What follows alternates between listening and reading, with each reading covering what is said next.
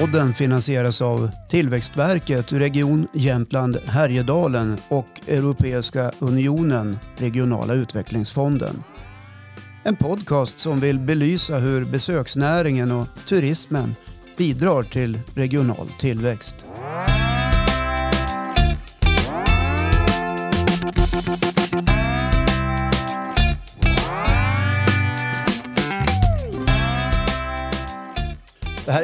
JOT-podden, eller som det egentligen heter om man vill dra ut på det, Jämtland Härjedalen Turism Podcast. Hej, Therese Gerdin. Hej. Du är ju VD där på, på firman. Mm. Ja, hur är Mm. läget? Ja, men det är bra. Ja, Det är bra. välkommen hit till, till poddverandan. Och Robert Pettersson, forskare. Du har ju forskat i snart 100 år känns det som. Ja, när jag ska upp ur sängen på morgonen så känns det så. Ja. Hur många forskarprojekt har du gjort om du, om du bara drar så här mellan tummen och pekfingret? Kan du säga det? Oj, ja, det är många. Det är, men det är, jag har faktiskt försökt att, att, att lista dem eh, någon gång, men 40, 30, 40, 40 plus är det nog. Ja, och, och det är inte, det är, det är inga små grejer du är inne och, och, och Stort och smått är Stort det väl förvisso. Ja. Och det är mest fokus på besöksnäringen, eller turismen som man kanske säger i folkmun.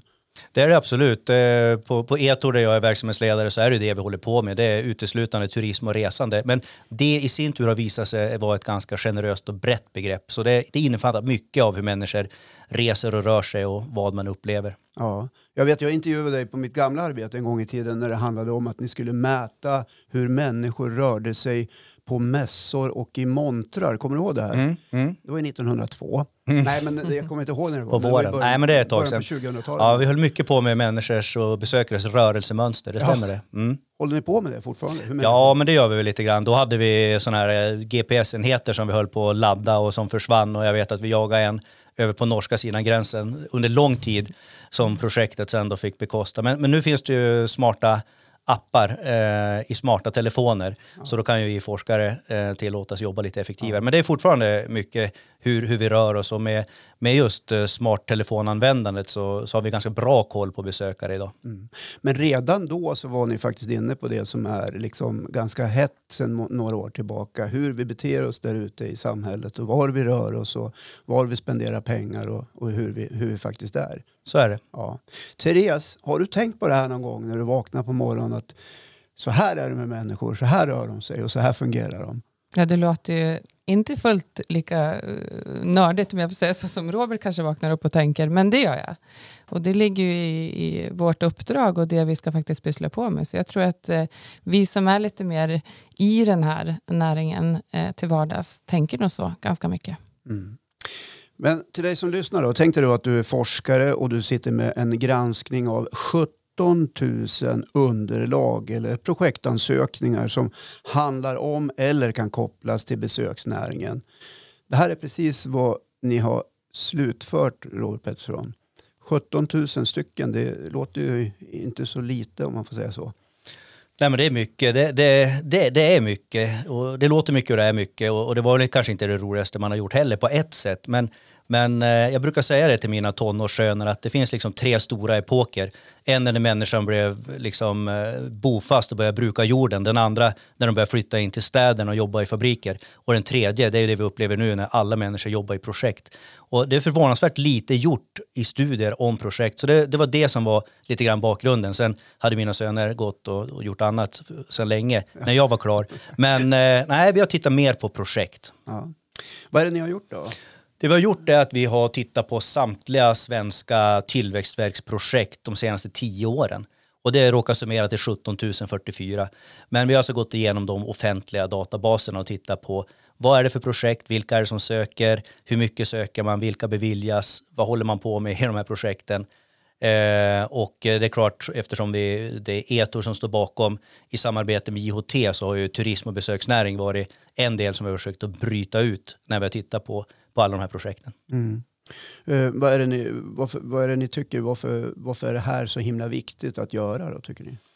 Nej, men det, alltså dels, jag kan tycka att det finns flera dimensioner. Dels är det lite grann ett, ett eh, kunskapsglapp här. Vi vet inte så mycket om de här projekten och när man följer som, som både jag och Therese och många andra, inte minst i den här regionen, gör, när man följer besöksnäringen och jobbar nära så inser man att de här projekten betyder jättemycket. Och väldigt mycket av det vi gör det är projektberoende och projektifieras på gott och ibland ont. Så att dels var det själva kunskapen i sig, men, eh, men sen tycker jag också att eh, eh, som skattebetalare tycker jag det här är ju alltså offentliga medel. Här gör man en, en slags trade-off. Här bestämmer man att ja, men vi ska satsa pengar på det här. Och det är klart att då tycker jag att det, det är liksom vettigt att veta lite grann om vad, hur används de här pengarna och vad, vad får vi ut av, av de här pengarna. Mm. Varför tycker du att det är viktigt, Therese? Men när den här idén kom och den, den kom fram till mig så var ju min spontana, är det här det klokaste beslut vi har tagit, att i stort sett granska oss, oss själva?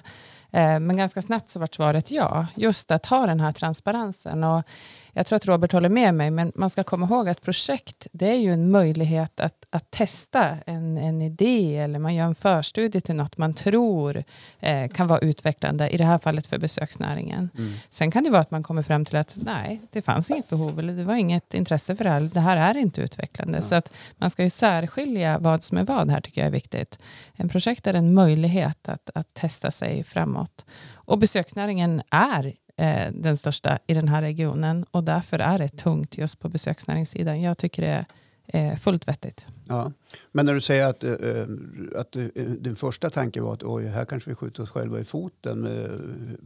Varför tänkte du så? Ja, men det är en granskning och tittar man och kanske inte är lika eh, i, i den här världen till vardags så kan man ju och, se de här stora siffrorna som Robert precis beskriver, både till antalet och hur många miljoner som rullar ut. Då kan man ju snabbt tänka vad motfrågan är, vad blev det för dem? Mm. Och precis som jag var inne på, ibland är det inget man kan ta på. Vi säljer ju en känsla, en upplevelse, eh, något som ibland är väldigt, väldigt svårt att ta på. Eh, så att, eh, men jag tycker att det är bra att vi gör det. Jag tycker det är, som Robert var inne på, rätt tid att göra det. Eh, och att vi är inte så bevandrade i det. Så därav varför, varför jag sa ja till det. Mm, vad spännande. Robert, vad är det ni har gjort för någonting då? Ja, men vi, har, vi har egentligen satt oss ner och tittat på vad, vad innehåller de här projekten och så har vi försökt att kategorisera dem.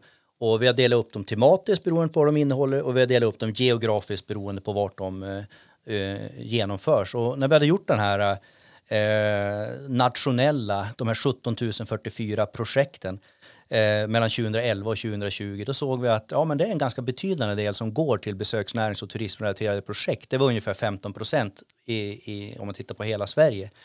Och eh, när vi sen bröt upp dem eh, regionalt så såg man att eh, eh, nej, hela 25 procent av, av alla projekt i Jämtland Härjedalen hade gått till turistbesöksnäring. Och det är, menar, vi, vi vann och i den mån det var en vinst. Men det är alltså, Jämtland Härjedalen var den turismintensivaste projektregionen av alla i hela Sverige. Och då valde vi att borra ännu djupare in i Jämtland Härjedalen. Men är inte det en ganska positiv eh, slutsats om man får säga så då?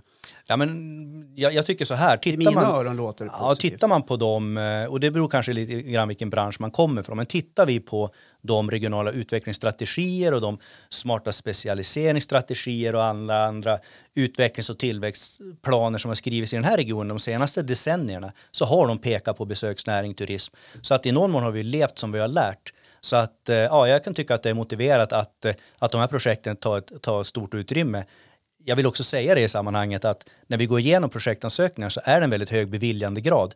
Så jag skulle vilja hävda att eh, satsningar på turism och besöksnäring har inte minskat förutsättningar för andra branscher att eh, växa och utvecklas. Så i den mån det var en myt så tycker jag att vi kan avliva den och var det inte det så är det i alla fall sagt. Ja. Ja, men sen tänker jag också att det visar att vi är i framkant, att vi har en vilja och en benägenhet och ett driv att utvecklas. återigen, vad ska liksom de här projekten leda till? Så jag, jag är inne på din linje Håkan, att mm. det visar att vi är där framme. I en kombination också med att vi är otroligt duktiga, skulle jag säga, som är ganska nya i projektvärlden, att, eh, att skriva, söka och göra riktigt bra ansökningar där det är eh, en tydlighet i vad man vill uppnå. Mm.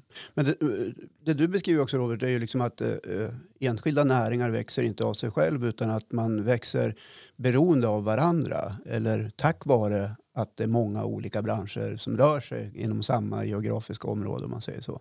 Så är det och, och, det finns ju andra studier och som vi har gjort tillsammans med IHT tidigare som visar att för många platser i den här regionen just Jämtland Härjedalen där vi befinner oss idag, där är ju turism och besöksnäring helt outstanding. Alltså det kan vara 75-80 procent av all eh, verksamhet på en destination kan ha med turism och besöksnäring att göra indirekt och jag skulle säga nästan, eller direkt och nästan övriga procent indirekt. Så att ja, men så är det på många platser det här eh, helt avgörande för att man ska kunna bo och verka. Mm, så utan exploatering av skidspåret så blir det ingen ICA-butik i den lilla orten? Exploatering eller tillgängliggörande, absolut. Ja. Exploatering kan ju vara ett fult ord kan, kan jag känna ibland när man använder det, men det beror på, på när man använder det och hur. Ja, men, och, det, det, kan ju kanske föra oss in lite grann på vad, vad är de här projekten tänkta att, att göra. Och det finns ju en, en vi, har, vi kommer ut med en rapport nu och jag väntar mig inte att den ska liksom förändra världen eller ens bli årets julklapp. Men tänk om den gör det. Ja, tänk om. Ja, ja då, då, skulle man ju ha lanserat den ännu på det. Ja, så kan det vara. Nej, men det den visar i alla fall det är att, att alltså vi, första halvan av den här rapporten skriver vi lite grann om det här offentliga stödsystemet och, och, är man intresserad så tycker jag den delen är riktigt bra. Eh, men man kan också hoppa direkt in i, i, andra delen som är resultat. Men i den här första delen beskrivs det här stödsystemet och hur, hur är pengarna tänkta att eh, göra nytta. Och det handlar ju väldigt mycket om den här EU-tanken om, om eh, sysselsättning och tillväxt och en, en idé om att vi ska stärka konkurrenskraften i, i Europas regioner. Och det vill jag tro att de här projekten gör eh, mer och mindre och det är också de indikatorer som de mäts utifrån. Så det finns absolut en, en, en dimension av det här som gör att man ska kunna tjäna pengar på turism. Man ska kunna ha det som ett jobb och ett yrke och, och man ska kunna leva, leva på det och bo kanske där man önskar. Så det är en jätteviktig dimension, mm. helt klart. Eh, om man tittar på vad det är för resultat ni har kommit fram till i, i, i den här rapporten. Du pratar om del två. Vad, vad, landar det i? Nej, men i del två då tittar vi, det, det, är mycket siffror och mycket tabeller och jag skulle kunna ja, stå, stå och läsa här. Ja, men jag kan ju dra ett ur högen här bara. Ja. 37,6 eh, procent till exempel. Ja, den, det, är, det är en ja, är som många har ringt och, och, och frågat om. Ja, Nej, men, men, säga, lite grovt, var fjärde projekt i, i Jämtland på totalen har med med turism och besöksnäring att göra. Och det finns två typer av, av pengar kan man säga, lite grovt räknat. En som kommer direkt från EU, som är strukturfonder och andra, andra program. Och en, som, en pott som kommer regionalt. Och i den här regionala potten, där har vi ännu större utsträckning prioritera turism och besöksnäring. Där är över hälften av alla projekt faktiskt turism och besöksnäring. Mm. Så att ja, men vi har levt som vi har lärt, vi har satsat på det vi har sagt, sagt vi ska satsa på. Och eh, det finns mycket siffror och man kan vrida och vända. Vi har brutit ner det här och tittat på evenemang och vi har tittat ja, på lite av varje. Men eh, ska säga det, vi har också intervjuat hundra personer av kött och blod och fråga lite grann vad ser ni för effekter? Där vi inte i första hand har bett dem svara i, i kronor, procent eller antal utan ja, gett en lite bredare bild av effekterna ja. av de här. Är det någonting i de intervjuerna som har överraskat dig?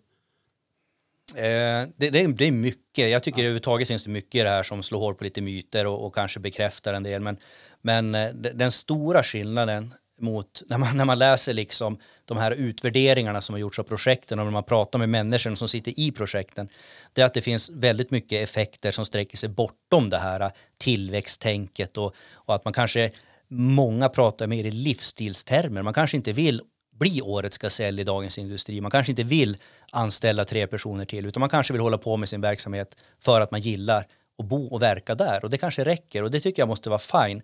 Men när man då, när det då kommer fram effekter av typen, ja men det här bidrar till ökad integration, det här bidrar till glädje och stolthet och då blir man ju rörd, till och med som hårdbarkad forskare kan man, kan man känna, men det här är, det är stort, det här är liksom samhällsnytta, det här är platsutveckling och vi kanske allt för mycket har sprungit fram och titta, ja, men nu ska vi locka turister. Vi kanske lockar människor vad de än vill göra, om de vill flytta dit eller bo kvar där eller studera där. Det här med attraktivitet och livsstil, ja, men det, är, ju viktigt för alla. Och, ja, kanske vi underskattar besöksnäringens roll. Ja, det där tycker jag är intressant för varenda kommun i den här regionen jobbar med de, det de brukar kalla platsvarumärke som de fyller på då en massa värden och så vidare och, och försöker på sin sida liksom att locka in, till inflyttning. Och, och om de då tittar på besöksnäringen så är det ju en jättestor bubbla egentligen som rymmer egentligen alla de här ingredienserna som livsstil och här vill jag bo, det här vill jag besöka. Och, uh, förstår ni hur jag menar? Mm. Eh, Så att man kan ju tänka sig liksom att om jag besöker Jämtland eh, för att jag tyckte det verkar vara häftigt att åka till den här destinationen och så bestämmer jag mig för efter ett tag, men fanken här vill jag bo och, och, och här vill jag verka. Då har jag gjort någonting annat.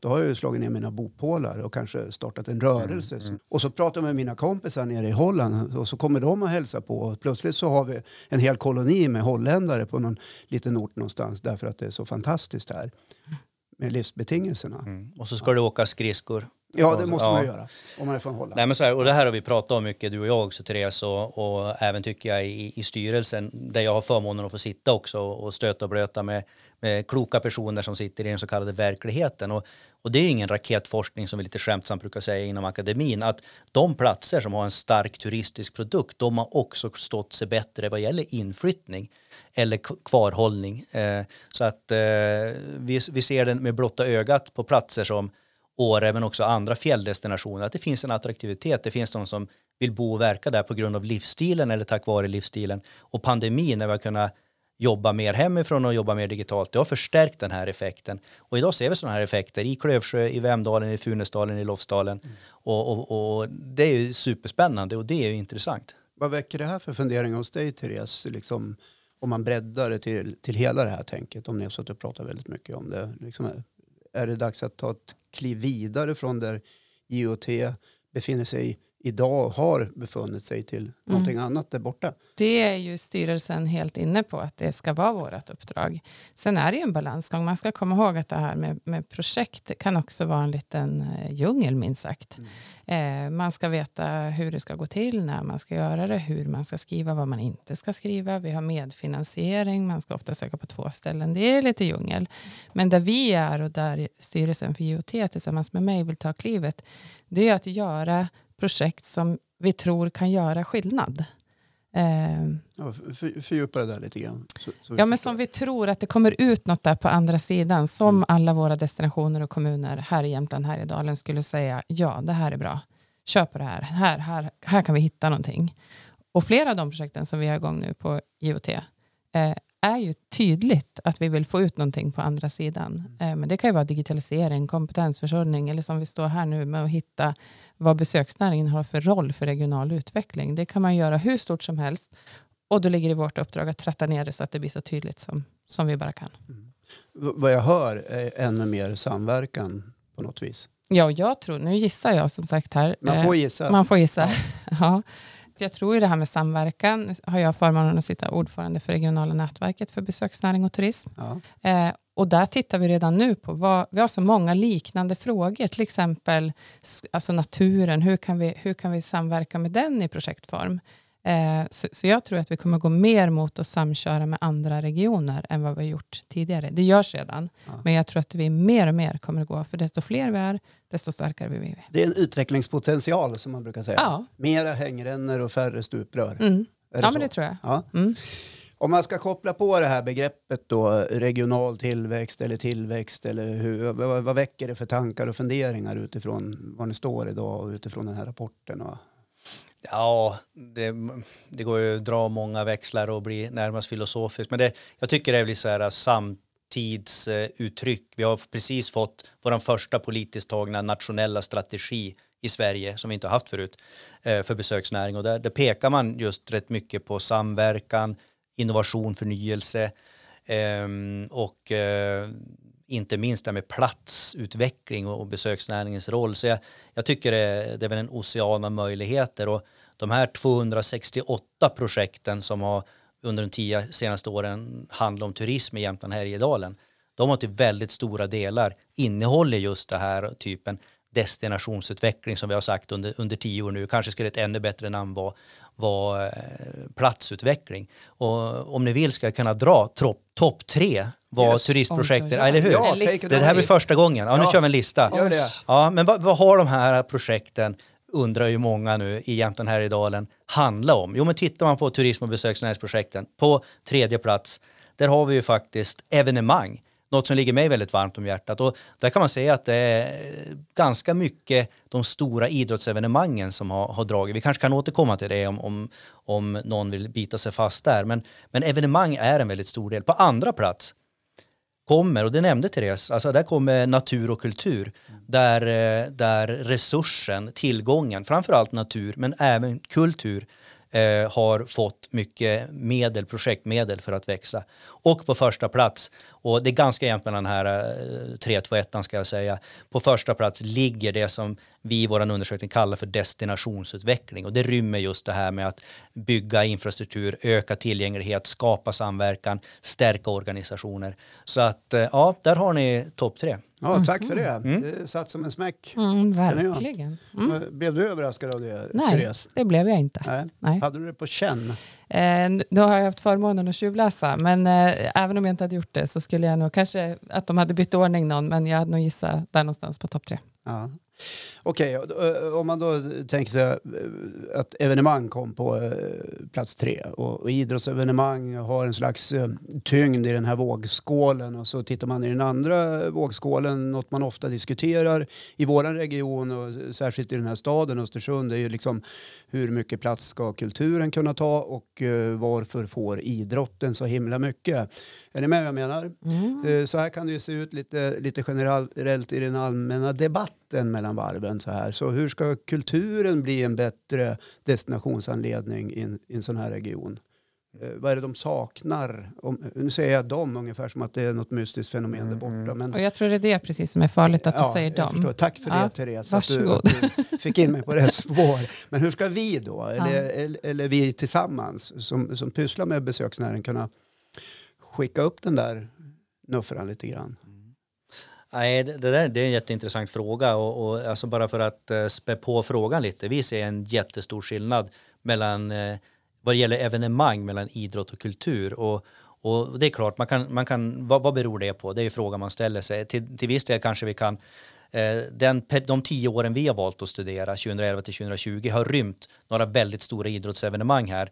Det har också rymt en period av stora investeringar i arenor som vi vill hoppas och tro kan bära frukt eh, många år och årtionden ännu. Men eh, man kan väl också säga det att, att det kanske finns något med idrotts folket, om det finns några sådana, de som står bakom, som är, är liksom, har ganska nära till att konkurrera om projektmedel och vana att skriva fram något och de ser, ser det som en tävling nästan. Medan kultursektorn kanske inte har den traditionen. Här, det, är, det är en hypotes, men, men det vi också kan dra, alltså när, när jag tittar in i de här siffrorna eh, med mina allt starkare läsglasögon, då, då ser jag att, att nej, men det är inte så att kulturansökningarna har, har fått avslag, utan det är att de finns inte. Och då, då måste man säga sig, varför finns de inte? Ja, det, det, det borde man borra djupare i, för det, vi kan inte få något entydigt svar i, i det här materialet. Ja, vad säger du Therese? Jag håller helt med. Eh, vi har ju en del i det här projektet, eh, besöksnäringsroll, som, som går mot kultur. Eh, lite av den anledningen. Men det är nog kanske som Robert säger, att, att vi måste, vi GOT, skulle, vi, den här samverkansplattformen, eh, vi kan hjälpa till att göra den hemläxan och se vad är det för behov. I, om man nu säger då idrottsvärlden, generaliserar vi igen då, men kanske är duktigare på att liksom snabbare eh, se vad det finns för möjligheter och behov. Och om man då säger, återigen är det svårt att säga kultur, det innefattar ju väldigt, väldigt mycket. Eh, Men kulturen skulle jag säga går ju väldigt mycket hand i hand med naturen i det här landet. Och där vet inte jag siffrorna Robert exakt, men där, där du nämnde den som en, som en topp tre. Och där tror jag nog att liksom, eh, det finns en viss armkrokning eh, med kulturen där också. Så att kulturen finns med i många eh, ansökningar och de som har gjorts, men inte specifikt kultur. Eh, om jag lägger mig platt nu då och backar tillbaks och eh, blottar strupen och krälar i stoftet så, och så och tänker så här då. Eh, för nu problematiserade jag i min fråga. Om man har ett lösningsfokus då istället, att man flyttar sitt perspektiv lite grann till att ja, ja vi, vi vet hur det ser ut, det kan man hålla på och prata om, om hur mycket som helst, men vad är lösningarna? Hur ska vi jobba med lösningarna? Handlar det då om att, att ge ett ökat stöd eller mera kunskap eller eh, hitta en hjärntröst som jobbar övergripande med alla typer av, av projekt för att man är skicklig på det. Ja, men jag, man måste Här börja kommer jag med med alla behovet. lösningar, ni ja, det vad kanske. härligt. Ja. Eh, nej, men som vi jobbar på IoT, när, vi, när det kommer de här utlysningarna så är det ju lätt hänt att man bara kastar sig på tangentbordet, ringer någon forskare man känner lite grann och så bollar man lite idéer. Har du telefontid Robert? Ah, jag, jag, jag jobbar 24-7. Ja, men det, det är sån efterfrågan. Han har mig som favorit på Ja, telefonen. Eh, Och så kastar man sig över tangenten och så börjar man. Och så har man glömt bort det här? Är, är det här? Tror vi att det här är ett behov? Om jag ringer alla kommuner och destinationer som faktiskt är GOTs kunder, kommer de att tycka det här är en god idé? Eller är det liksom, man får lite så här, gud, vi måste också få lite av det här. Och där försöker vi backa hem nu och faktiskt säga, nej, den här, den här är inte för oss. Det här ska någon annan göra. Vi har inte snappat upp att det här är ett behov. Och där, lite, mer noggrant uh, väljande? Om man ja, men ha modet ja. att tacka nej och säga nej. Och där är ju styrelsen ett fantastiskt bollplank för mig. För mm. de är ju som Robert säger mycket ute i verkligheten, ute i destinationerna, i liksom universitetsvärlden. De har ett jättebra öron för vad som behovet är för någonting. Och då måste vi lyssna. Och då måste man ibland ha modet att säga tack, men inte vi den här gången. Mm. Nej, men och, och, ehm, den där frågan, alltså vilka, hur lyckas man bäst? Vilka blir framgångsrika? Det, det kan komma som en överraskning, men Jämtland Härjedalen är ju inte det enda stället i, i Sverige som vill locka besökare och, och Sverige är inte det enda land. Och, och, vi tittar väldigt mycket ut i andra studier och ska man, alltså här finns det ganska mycket forskning och ska vi tro den då, då, de som lyckas bäst är de som jobbar strategiskt eller liksom långsiktigt. De som har en idé om vart de vill. Och i förlängningen av det ligger ju att kunna välja och välja bort. Precis det Therese säger. Så det är helt rätt ute gentemot cool. forskningen. Men det handlar också om, om eh, samverkan. Eh, att ett plus ett är mer än två där det är privat och offentlig akademi kan liksom, ja det blir ett plus ett plus ett, och blir mer än tre. Mm. Eh, men men att, att man liksom får de hjulen att snurra. Och så handlar det om att, att eh, man ska liksom ha en tydlighet i roller och ansvar. För det är väldigt många som blir ineffektiva ser man, inte minst de här stödsystemen. Att man gör delvis samma saker ibland, men det finns också saker där det kanske inte är någon som agerar. Så att det är väl liksom så här, eh, skulle man ha Roberts projektfinansieringsskola eh, steg ett, så skulle nog det första, första terminen ägnas åt, åt just det här. Ja, och, och, för ett ja. exempel, nu kommer det en, en utlysningsperiod då, som man kallar det. Eh, och, och, där har vi då eh, så att säga, identifierat, utan att gå in på vilka de är, men tre områden kan man säga. Eh, där vi egentligen håller lite tummarna då, att de här utlysningarna ska stämma överens med det behov som, som vi har. Och då kommer jag tillbaka till har de inte det, då kanske vi måste ha mod att säga nej istället för att kreera någonting bara för att liksom vara med där. Mm. Eh, så var lite mer träffsäker. Och drömmen är att ha någon slags idéperm på mitt kontor, där man liksom säger, nu kommer en utlysning, japp, det här har ju alla sagt att det är ett behov, då tar vi den och så smackar vi in den och så hoppas vi att, att uh, vi får medel till det här. Uh, där är vi inte riktigt än, men vi är på väldigt, väldigt god väg uh, ja. på IoT. Spännande. För att i förra avsnittet så pratade vi med eh, Katarina Nyberg Finn mm. eh, som var på besök i den här podden. Och, eh, hon har varit inblandad i något som heter Jämtlandsmodellen. Jag vet inte om vi ska kalla det ett embryo eller en, en första plan eller någon slags vägriktning som pekar ut vart ni ska någonstans mm. eller vart vi ska i den här regionen med, med besöksnäringen och vad som är IHTs roll i det. Uh, vad kommer att hända om man tittar på den då? Liksom, hur knyter ni an Roberts forskning, det vi har pratat om nu till Jämtlandsmodellen. Ja, men du är tillbaka lite där vi var. Ja. För mig och för oss IoT är ju forskningen, alltså vi måste ju göra det här tillsammans. Om vi på något sätt då statuerar verkligheten, så måste vi koppla på om de här teserna, teorierna som, som vi har stämmer överens. Så jag tror att den kombon är väldigt, väldigt viktig. Med Jämtlandsmodellen så hoppas vi ju att göra verkstad. Att se på hur kan man då mäta besöksnäringen eh, lite mer likt kanske andra tydliga eh, näringar än vad besöksnäringen faktiskt är. Återigen, vi, vi säljer liksom inte en pryl. Det är något annat eh, vi jobbar med. Du får flika in mer om du... Nej, men, eh, och jag, jag, jag, tror liksom på, jag tycker tiden är mogen för att se lite, eh, lite nyktrare och kanske lite bredare på besöksnäringens roll och besöksnäringens effekter. Och, och jag tror det, finns, kommer, det kommer finnas utrymme för de här hårda värdena. Mm. Det här med att vi räknar pengar och att vi, vi räknar gästnätter och att vi räknar företag. Det, det, jag menar, det, det är viktigt för branschen och det, mm. det gör alla andra branscher också. Eh, men eh, ett stort utvecklingsområde finns ju inom de här mjuka värdena. Vi pratar om identitet, stolthet, glädje, gemenskap. Um, och, och, där kanske vi forskare också har en, en läxa att göra i hur, hur ska vi mäta det? Alltså hur ska vi kunna få det greppbart på något sätt? Sen finns det ett tredje område som har diskuterats i Jämtlandsmodellen och den tycker jag är jättespännande. Det handlar om det här som nästan inte går att mäta och det är ju läskigt för en forskare att ens närma sig sådana områden. Men här handlar det alltså om någon slags eh, turismens DNA, alltså våran tradition av att ta emot besökare i den här regionen, våran fallenhet för värdskap och vårat liksom intresse av att dela den livsstil som vi har här. Och det där är ju superspännande och de där tre tillsammans kan man liksom greppa dem och, och, och förhålla sig till dem. Då tror jag att man har kommit i en nationell jämförelse ganska långt. Ja, jag älskar det där med värdskap.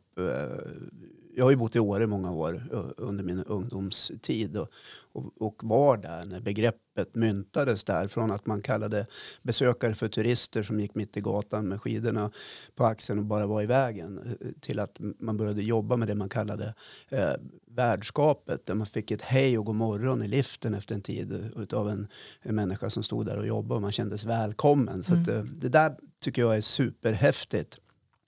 En gång när jag jobbade på kommunen här så, så, så var jag ute och åkte bil och, och såg två vilsna människor här uppe i området där jag bor. De stod och glodde ner i någon eh, mobil och, och jag förstod ganska snabbt, för de hade ryggsäckar, att de här är ju här på besök. Men de vet inte vart de ska. Så jag vevade ner rutan och frågade ska jag hjälpa er? Och då svarar de på tyska. Och jag kan inte tyska. Så jag började prata engelska. Ja, men då var de på väg från uh, city upp till uh, nationalarenan för de ville se hur det såg ut. Skidskytte är ju asstort mm. i Tyskland, det vet ju alla. Så jag knaglade mig fram där och då tyckte jag att här var jag duktig på värdskap. Jag stannade till som en helt vanlig människa och hjälpte dem till rätta. Jag har inte fått något julkort från dem efter det men jag kände mig väldigt stolt över mm. det faktiskt. Ja, men det är ett gott exempel. Det får man att tänka på en, en eh, karikatyr i en av branschtidningarna där en person som hade kunnat vara du Håkan släppa upp ett par tyska besökare till vad som skulle kunna vara Östersunds eh, skidskyttestadion mm. och blicka ut över det här eh, landskapet och skjutvallen och så säger tyskarna ser sjön. Ja, säger du då. Ja, man ser sjön. Ja, det är bra. Okej, vi ska börja runda av lite grann. Men jag står här och funderar lite grann. Uh, har vi ett tillräckligt bra system, tycker ni? Ja, men mm, alltså någonstans kommer det ju, görs det ju onekligen många projekt så, och det, liksom, det händer ju något i det här systemet. Men det ska sägas det att när vi intervjuar projektägare, projektmedarbetare, projektsökande så får vi också en ganska lång lista på saker som skulle kunna funka bättre. Och många vill kanske inte bita den hand som föder dem, men, men jag tror det finns förbättringsområden och några av de vanligaste nedslagen i vad som inte funkar, det är att det är ganska kort, kort framförhållning många gånger, alltså korta deadlines, det blir ganska pressade, stressade skrivprocesser. Man upplever kanske inte alltid att man har det stöd man skulle behöva för att förstå eh, utlysningstexten, för att fylla i eh, ansökningsblanketterna, för att eh, genomföra projekten på rätt sätt. Eh, och eh, det finns också något kring det här att eh, medfinansieringslogiken, alltså du måste ha en miljon för att få en miljon och det gör att många av aktörer, typ i besöksnäringen som är ganska små, de brottas med medfinansiering och sen när man har byggt kunskap, ja, men då tar projektet slut och då är det liksom ingen som svarar i telefon. Så eh, framförhållning, stöd, eh, administ projektadministration, medfinansieringslogik och uppföljning. Eh, där är liksom, ska jag säga, topp fem av, av utmaningar. Mm. Vill du fylla på där Therese med någonting? Ja, men det är svårt. När de här släpps till korta deadline och så har man en ganska fullbokad kalender som i mitt fall och så ska, är det jag som ska göra det. Då är det liksom på torsdag mellan två och tre, då ska jag vara kreativ. Då ska jag knäcka den här idén som kommer liksom göra skillnad. Det är jättebra klockslag, ja. torsdagar. Ja, det är då man ska vara ja. kreativ. Ja. Och är inte jag det, då kanske tiden har runnit ut. Så det är lite överdrivet, eh, men lite så känns det. Men det görs mycket bra, tycker jag. Eh, bland annat har man startat tillsammans med Tillväxtverket och alla regioner eh, tillsammans med också med Visit Sweden där man jobbar med de här frågorna. Alltså hur ser behovet ut när den här potten med pengar ska fördelas? Så att man blir mer träffsäker. Så det är absolut ett, ett samarbete. Så, så där får liksom näringen och branschen en, en, möjlighet till lite inflytande? Ja, men att de, vi har liksom väldigt många möten på ett år där vi får bolla liksom, hur ser vår verklighet ut? Utifrån det så kan man tydligare mejsla. Mm. Sen, sen går det inte alltid att pricka perfekt, men jag tycker bara på den här tiden som, som jag har varit, att det gör faktiskt skillnad. Och att vi har, som vi har varit inne på, att vi har en, en region som värdesätter besöksnäringen. När det kommer till stödmedel så, så tycker jag att eh, det fungerar väldigt, väldigt bra. Mycket mer än, än vad det gör i många andra regioner i min erfarenhet. Så det vill jag också passa på att säga. Och då ska vi också veta det att Tillväxtverkets regleringsbrev som anger vad de har för uppdrag, där är det tydligt utpekat att besöksnäringen, den ska man minsann få fart på. Ja, men vi har ju vår regionala utvecklingsstrategi och då är en av få regioner som faktiskt har besöksnäringen i form av upplevelser liksom märkt i den. Eh, och det är det väldigt, väldigt eh, få som har av alla regioner.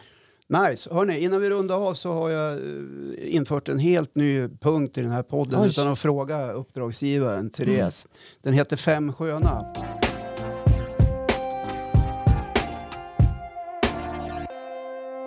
Oj. Eh, och då tänker jag att ni ska få fem snabba frågor.